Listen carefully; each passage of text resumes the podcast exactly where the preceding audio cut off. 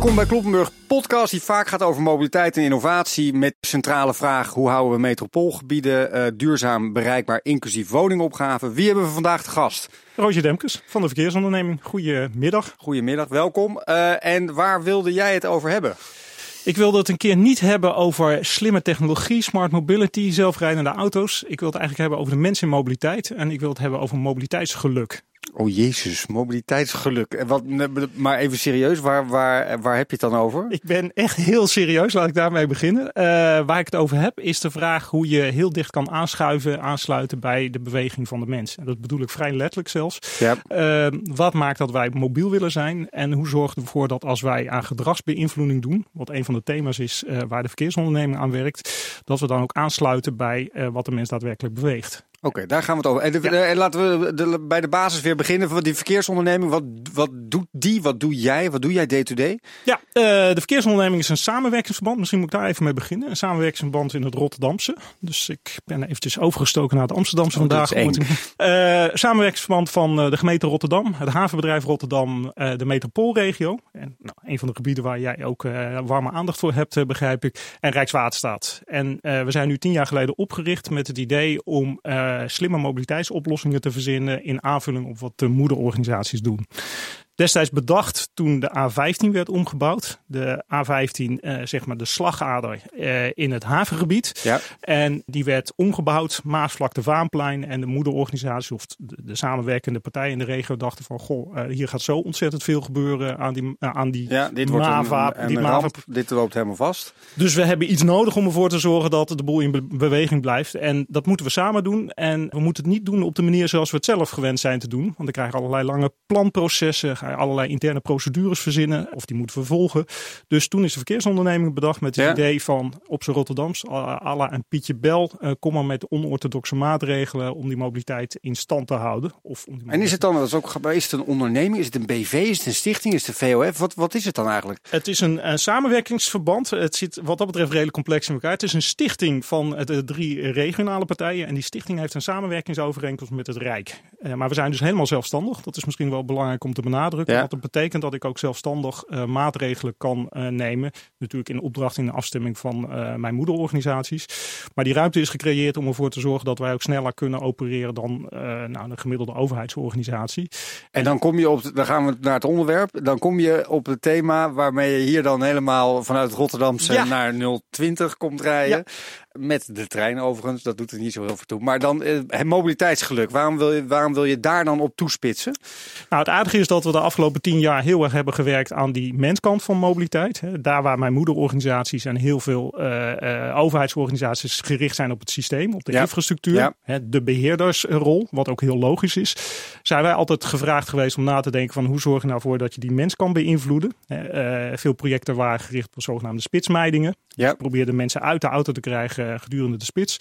En we zijn eens gaan nadenken van ja, als je daar nou serieus naar kijkt, uh, dan is het heel gek wat voor uh, indicatoren wij gebruiken. We gebruiken namelijk systeemindicatoren om die mensen te beïnvloeden. Dus het gaat over voertuigverliesuren, het gaat over spitsmeidingen. Het gaat allemaal over dingen die met het systeem te maken hebben.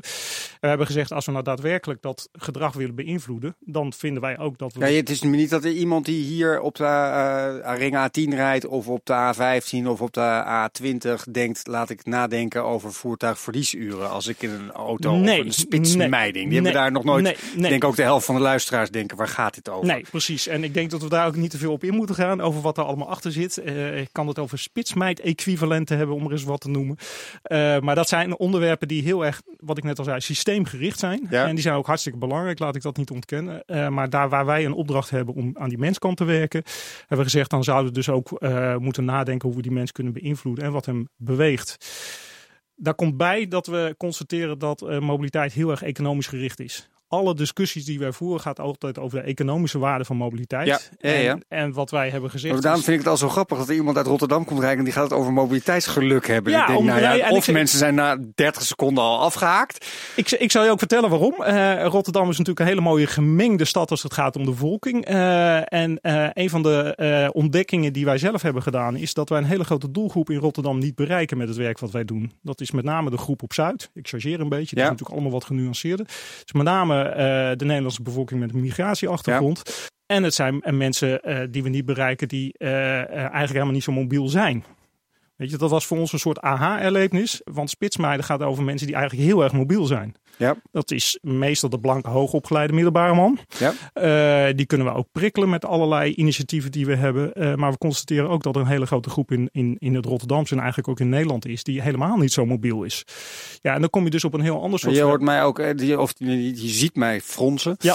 We, maar nemen dan, ja, wie, maar hebben ze dan geen fiets? Hebben ze geen auto? Is het OV te duur? Neem me gewoon even mee. Ik zit in Charlo's en bewegen die mensen dan niet? of wel? Of zitten ze de hele dag thuis? Het antwoord is helemaal ja op alles wat je zegt. Uh, geen fiets, geen auto, nee, OV dus- te duur. Ja, dus er zijn mensen, uh, en soms kunnen ze niet, soms willen mensen niet. Hè. Dat is een ander soort discussie. Er kunnen culturele aspecten een rol spelen waarom mensen niet mobiel zijn.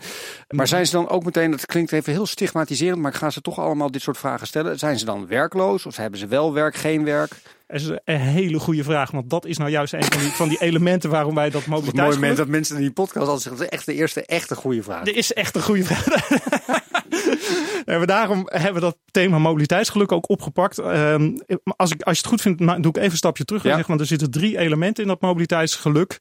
Uh, de eerste is die economische waarde, want die vinden we nog steeds wel heel erg belangrijk. Uiteindelijk gaat het ook over de vraag of je uh, van en naar je werk kan komen, om er eens wat te noemen.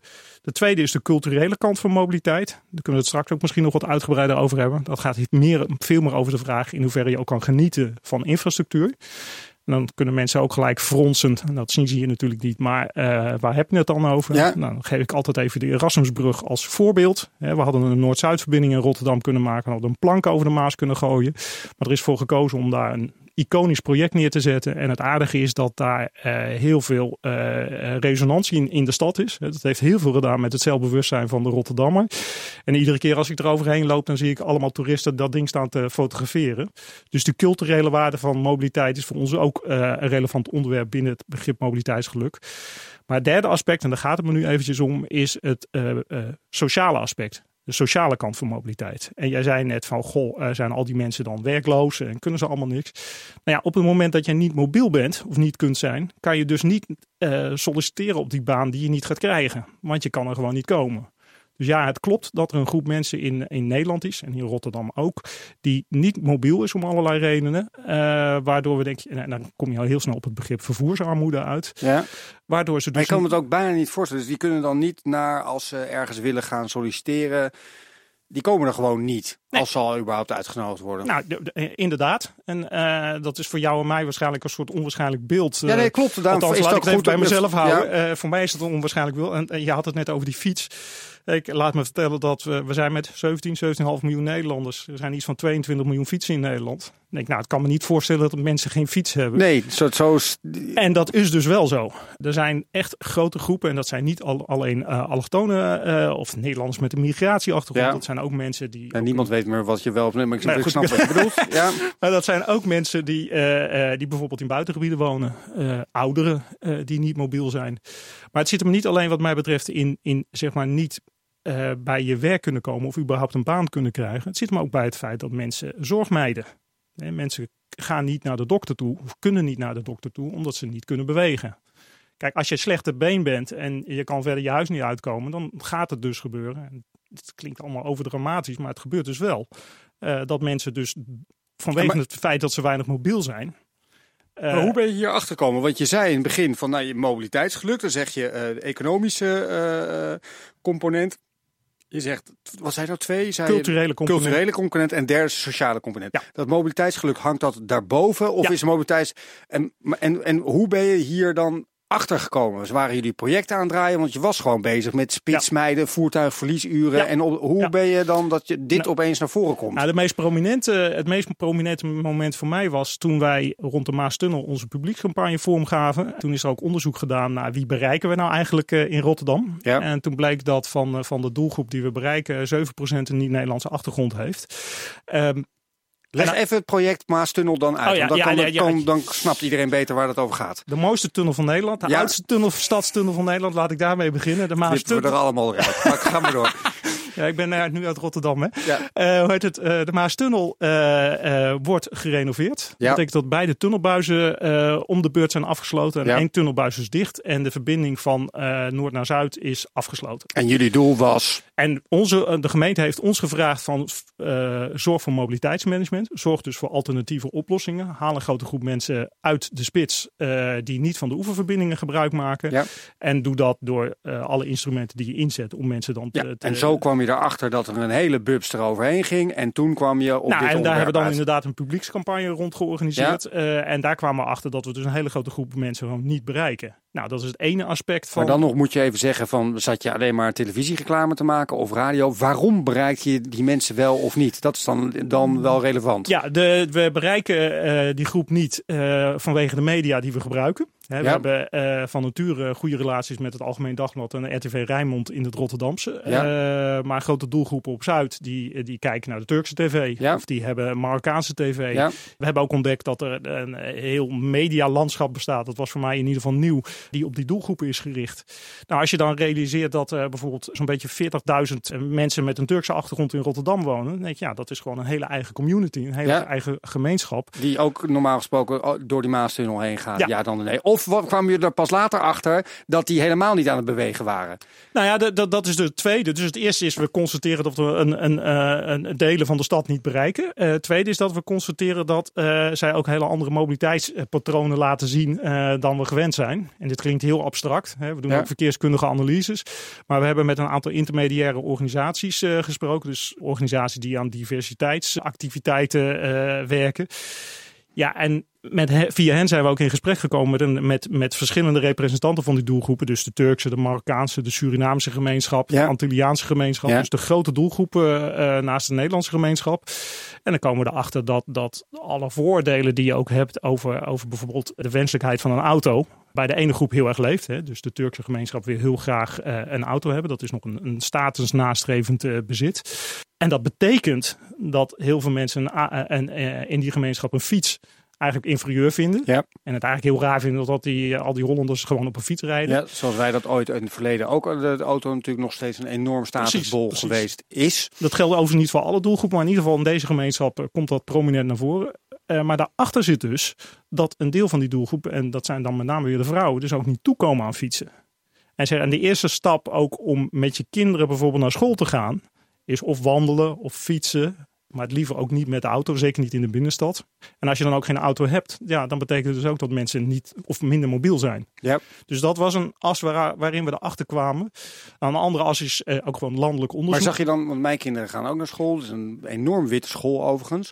Uh, is het zo dat je dan ziet dat bij, bij een school in Charloes, uh, op de Kop van Zuid, in Rotterdam, in een Turkse gemeenschap, zie je daar dan ook letterlijk heel veel auto's daar aankomen? Of komen, ze dan, uh, komen Turkse mensen voornamelijk wandelend daaraan? Of is dat profiel van hoe dan de mensen hun kinderen naar de school brengen echt fundamenteel anders? Nou, ik, ik zou het wat generieker maken. Ik zie heel veel mensen in binnenstedelijk gebied die uh, of het liefst met de auto komen omdat van, vanwege allerlei veiligheidsoverwegingen, dan wel uh, lopend naar school gaan. En wat je dan vervolgens ziet, is dat die, die kinderen eigenlijk alleen maar dat asje van huis naar school aan beweging hebben. Dus dat is nog weer een heel ander aspect van, uh, van sociale mobiliteit, namelijk het gezondheidsaspect. Uh, er wordt daardoor ook heel weinig bewogen. Nou, nou draaf ik een beetje door, hè, want dan gaat het ook over de vraag over vitaliteit en hoe dat bijdraagt aan je, aan je eigen welzijn. En zeg maar. obesitas, et cetera, et cetera. Nou, dat komt voilà. achter. Maar laten we even teruggaan naar mobiliteitsgeluk. Precies. Nou, dus we hebben gezegd, uh, als wij nou serieus zijn in, in die gedragsbeïnvloeding, dan moeten we dus niet alleen kijken naar die economische kant van, uh, van mobiliteit, maar ook naar die culturele en die sociale kant van mobiliteit. Ja, en dan krijg je de jeukvraag, maar die wordt zeker wel, nou, niet alleen omdat we zitten nu bij de studio van BNR, maar hoe meet je dat? Ja, nou, de, dat hoe is geluk, joepie de poep. Ik ben zo gelukkig. Het is de tweede keer dat ik je kan zeggen dat uh, dat, uh, dat een goede vraag is. ik ga naar huis. Ik ga naar huis. Met terug van uh, we, we, hebben, uh, we hebben daar natuurlijk over nagedacht. Van, ja, hoe ga je nou zoiets iets, uh, wat voor heel veel mensen ook heel persoonlijk is. als het gaat om geluksbeleving, als het gaat om zingeving, als het gaat om welbevinden. Hoe ga je dat nou meetbaar maken?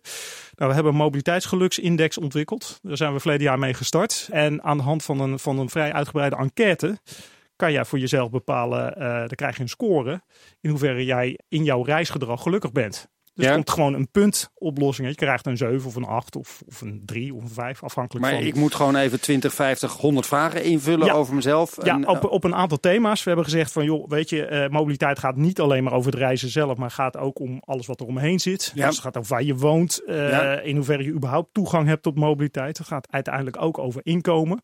En wat, uh, wat we hebben gedaan is gewoon een enquête ontwikkelen. Of gewoon, dat klinkt makkelijker dan het is. Er zijn vrij veel mensen mee bezig geweest. Die kan je invullen. En dan krijg je een score uit. En uh, wat we vervolgens gaan doen, daar zijn we nu nog mee bezig, is mensen daar ook adviezen op geven.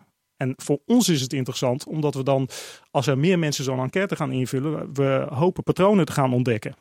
En doen jullie dat dan ook, die mobiliteitsgeluk? Want het klinkt nog heel vaak. Kijken er wetenschappers mee vanuit sociale ja. Uh, studies van oké, laat je dit echt valideren? of komt dit toevallig gewoon nee, uit de verkeersonderneming? Nee, nee, nou sowieso is de verkeersonderneming een club van uh, vrij divers plamage als het gaat om de achtergrond. zijn niet alleen hardcore verkeerskundigen, om het zo maar te zeggen. Uh, ik prijs me gelukkig met heel veel verschillende collega's qua achtergronden. Nee, we hebben verleden jaar de eerste, de 1.0 versie van die mobiliteitsgeluksindex ook laten valideren door TNO. Dus het is echt, we laten het ook ook onafhankelijk zeg maar, door, door een andere partij toetsen. We zijn nu bezig met een verbeterde of een nieuwe versie. Omdat we ook ontdekt hebben dat we zelf ook concreter moeten worden. In, als het gaat om van goh, welke vragen stel je nou precies. En hoe leidt dat dan ook tot een resultaat voor jou. En we moeten voor onszelf concreter worden in de zin van welke analyses kunnen we nou achter vandaan halen. Oké, dus we hebben even de soort van je meet, je doet een nulmeting. Ja. Dat heb je geprobeerd. Is dat twee jaar geleden, een jaar geleden? Ja, afgelopen jaar zijn we begonnen. Ja, oké. En, en, heb je nu al, zeg maar, uh, op moment één, weet ik veel, drie maanden later, een jaar later, al kunnen zien van, nou, we hebben nog een keer gemeten. Bij mij in dit geval, of bij iemand anders, doet er niets veel toe. Is er verandering opgetreden, wel opgetreden, niet opgetreden? Uh, nee, dat laatste hebben we nog niet gedaan. Wat we, wel, wat we wel hebben gedaan, en we doen het aan de hand ook van postcode-analyses. Dus wat we wel kunnen zien is van, goh, uh, er zitten dus duidelijk verschillen in, in uh, de geluksbeleving op het gebied van mobiliteit. Nou, deels is dat ook te verwachten aan de hand van wat we zelf dan weten als het gaat om de gebiedsindelingen. Ja. dus op Rotterdam-Zuid is de mobiliteitsgeluksindex scoort lager dan op Rotterdam-Noord.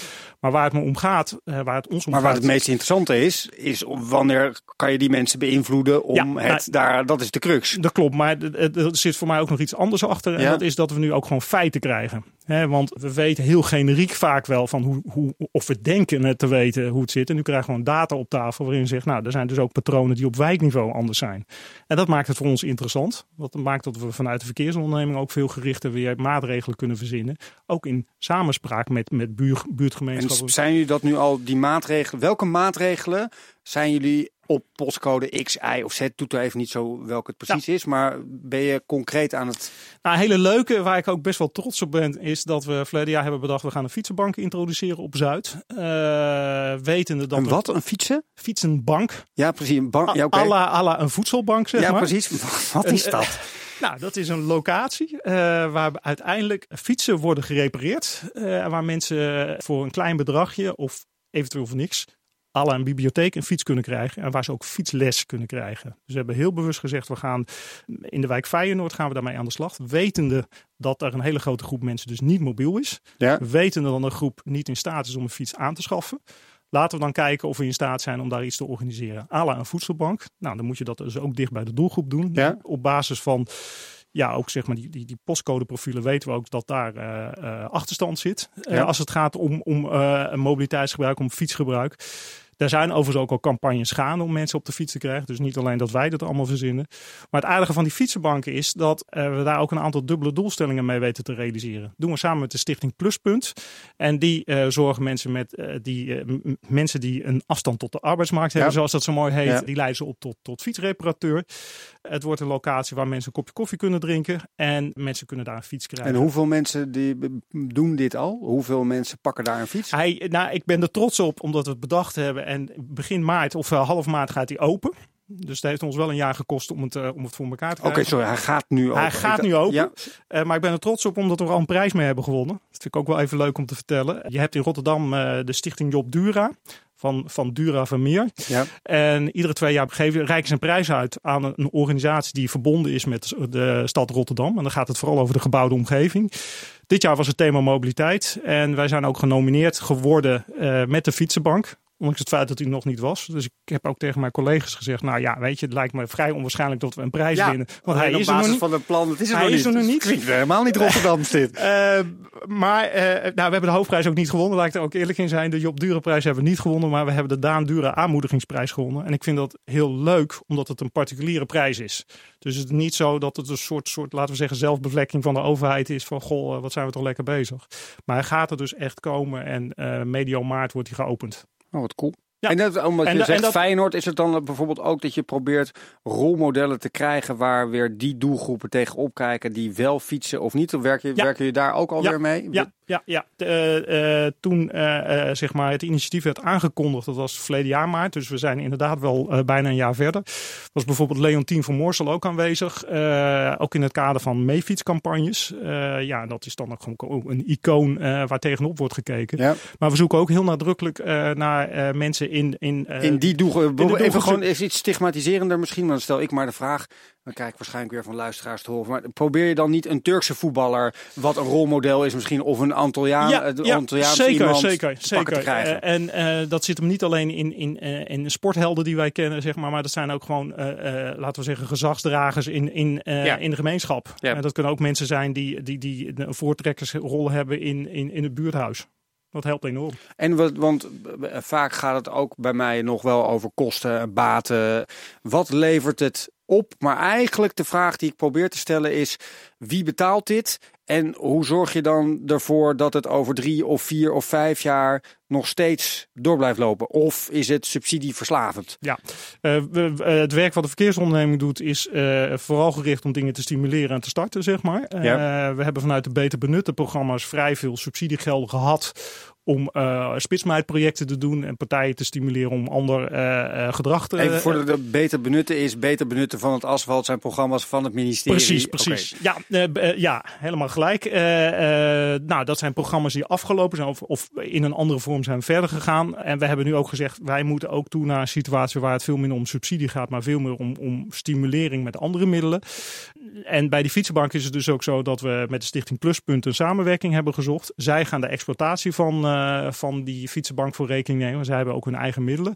En we hebben weer een derde partij uh, bereid gevonden, de New Mobility Foundation, die ook een subsidie, uh, startsubsidie heeft beschikbaar gesteld. Ja. Maar uiteindelijk is het wel de bedoeling. Maar wat ik altijd zo ingewikkeld vind in dit kader, is dat we hebben het eigenlijk over de subsidie. En het lastigste is dat ik begin al door de vraag zo te framen dat het subsidie is. Terwijl op het moment dat mensen fitter worden, heeft dat, draagt dat direct bij. Op het moment dat ze mobieler worden en op het moment dat ze die service hebben. Maar alleen je krijgt er in de eurokant, en daarom vind ik het aardig om de vraag even andersom te stellen. In de eurokant krijg je er niks voor terug. Daardoor heb je een soort van subsidie nodig. Maar de baten zijn natuurlijk heel duidelijk. Ja, nou ja, en wat, wat Maar dat is niet een eurobaten. Nou ja, het, het, het, of laat nou, zeggen, die krijg jij niet op je bankrekening nee, nee, dat binnen. Klopt, dat klopt, dat is heel indirect. Maar onze ambitie is ook om mensen uh, mobiel te krijgen. En dat lijkt een beetje paradoxaal met de opdracht die ik heb om ook mensen weer uit de auto te krijgen. Uh, maar als mensen aan de samenleving mee kunnen doen, zullen ze vitaler zijn, uh, zullen ze gezonder zijn. Nou goed, dat is allemaal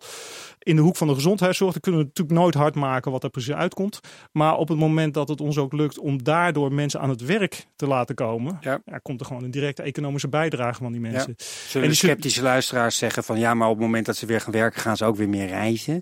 Ja, nou ja, en, en daarom proberen we mensen ook in eerste instantie uh, niet uh, aan de auto te laten wennen, maar op een andere manier uh, mobiel te krijgen. Ja, en pakken ze veel dat OV dan, of vinden ze OV voor die doelgroep is het te duur? Dat, dat of is er een andere reden? Dat, nou, dat, dat varieert per, per doelgroep. de Surinamese gemeenschap in Rotterdam gebruikt bijvoorbeeld heel veel het OV. Ja. Weet je, dus het hangt ook een beetje af uh, in welke context je zit. Ja, en voor sommige mensen, en dat is heel generiek, uh, is het OV uh, duur of heel ingewikkeld.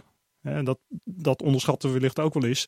En dat gaat heel ver, heb ik ontdekt. Een collega van mij vertelde me laatst, die woont in Den Haag. Even een ander voorbeeld. en ze ging met een stel vriendinnen naar een, een, een dagje Delft doen. Ja. En zij stelde voor, dan gaan we natuurlijk met de trein.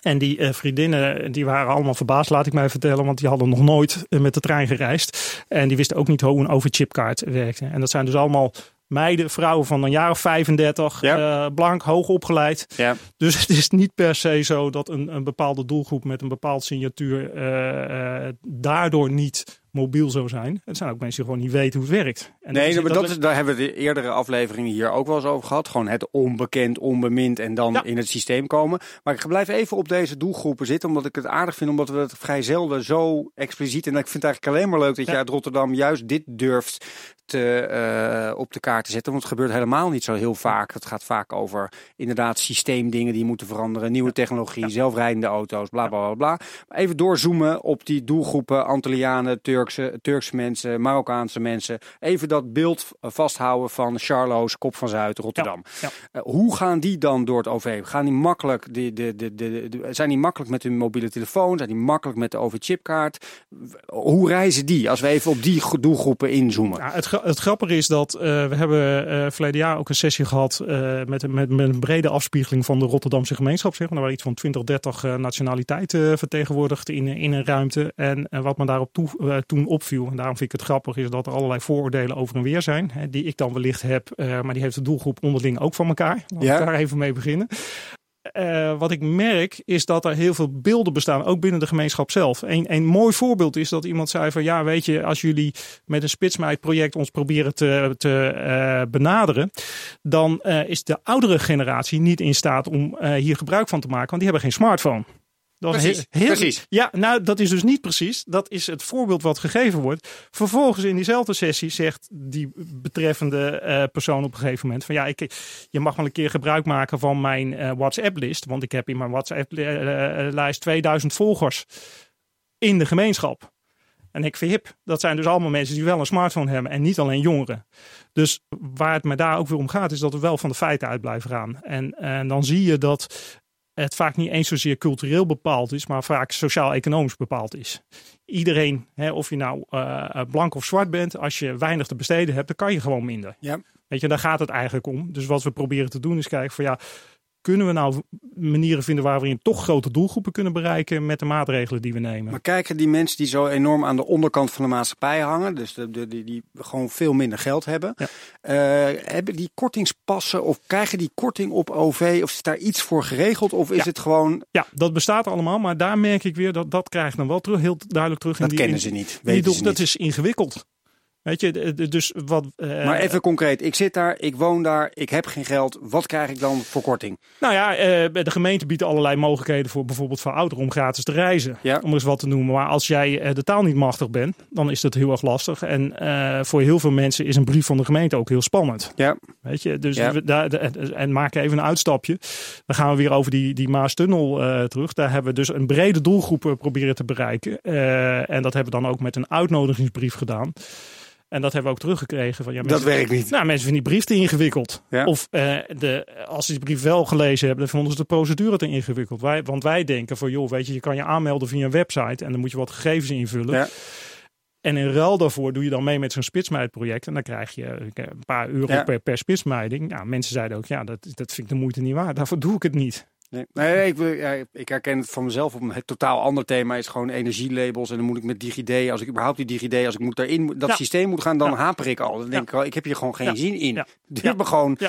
Ik, de, en, ik vind het grappig dat je dus het zo lastig is. Dat is eigenlijk wat je, wat je probeert te beschrijven om de doelgroep op maat goed te, ja, uh, ja. te krijgen. En wat werkte voor hun wel en niet. Precies. En hoe krijg je ze mee? Nou, en als ik dan weer eventjes wat mag uitzoomen, denk ik dat mobiliteitsgeluk daar dus ook mee te maken heeft. In hoeverre weten we mensen te bereiken? En dat geldt dan niet voor die specifieke doelgroep op Zuid, dat geldt voor iedereen. Dat is ook een reden waarom we het begrip mobiliteitsgeluk hebben geïntroduceerd. Want als je het over vervoersarmoede hebt, ja. een beetje de contramal. Uh, ja, dan zoom je ook in op een probleem wat bij een hele specifieke doelgroep leeft. Maar mobiliteitsgeluk gaat ook over jou en mij. Ja. Dat vind ik nog wel aardig om, om ook te melden. Want jij kan heel anders. keihard te lachen. Hè? Dat kunt u niet, niet zien. Maar... Ja, nee, weet je, jij, jij vertelde net uh, dat jij uh, terugkwam van, je, van de boerderij uit, uh, uit het oosten van Nederland. Ja, nou, je, je, hebt op een bepaalde manier gereisd en daar heb je al dan niet van genoten. Ja. Dat heeft voor mij ook met mobiliteitsgeluk te maken. Dus het feit dat ik hier ben gekomen met de trein en dat dat comfortabel was, heeft ook met mobiliteitsgeluk te maken. Maar dat is een hele andere invalshoek. En ik vind dat belangrijk om ook even te, te, te illustreren, want daar gaat het ook over het feit hoe wij in ons dagdagelijkse leven mobiliteit als onderdeel van ons leven hebben en daar ook uh, al dan niet comfort of plezier aan beleven. En daar kom ik nog weer even terug op die, die culturele kant van mobiliteit. Heel veel mensen vinden het superleuk om in de auto te rijden, omdat je dan om je heen kan rijden, kijken of omdat het lekker is om te rijden. Heel veel mensen vinden het ontzettend leuk om in de trein te zitten, omdat je dan naar buiten kan kijken of vervoerd kan worden. Nou, ik zelf woon in Delft en ik, ik werk in Rotterdam. En als het even kan, probeer ik op de fiets te gaan. Nou, van de week kon ik weer twee keer op de fiets. En dan maak ik de zonsopgang, zonsopgang s ochtends mee. Ja.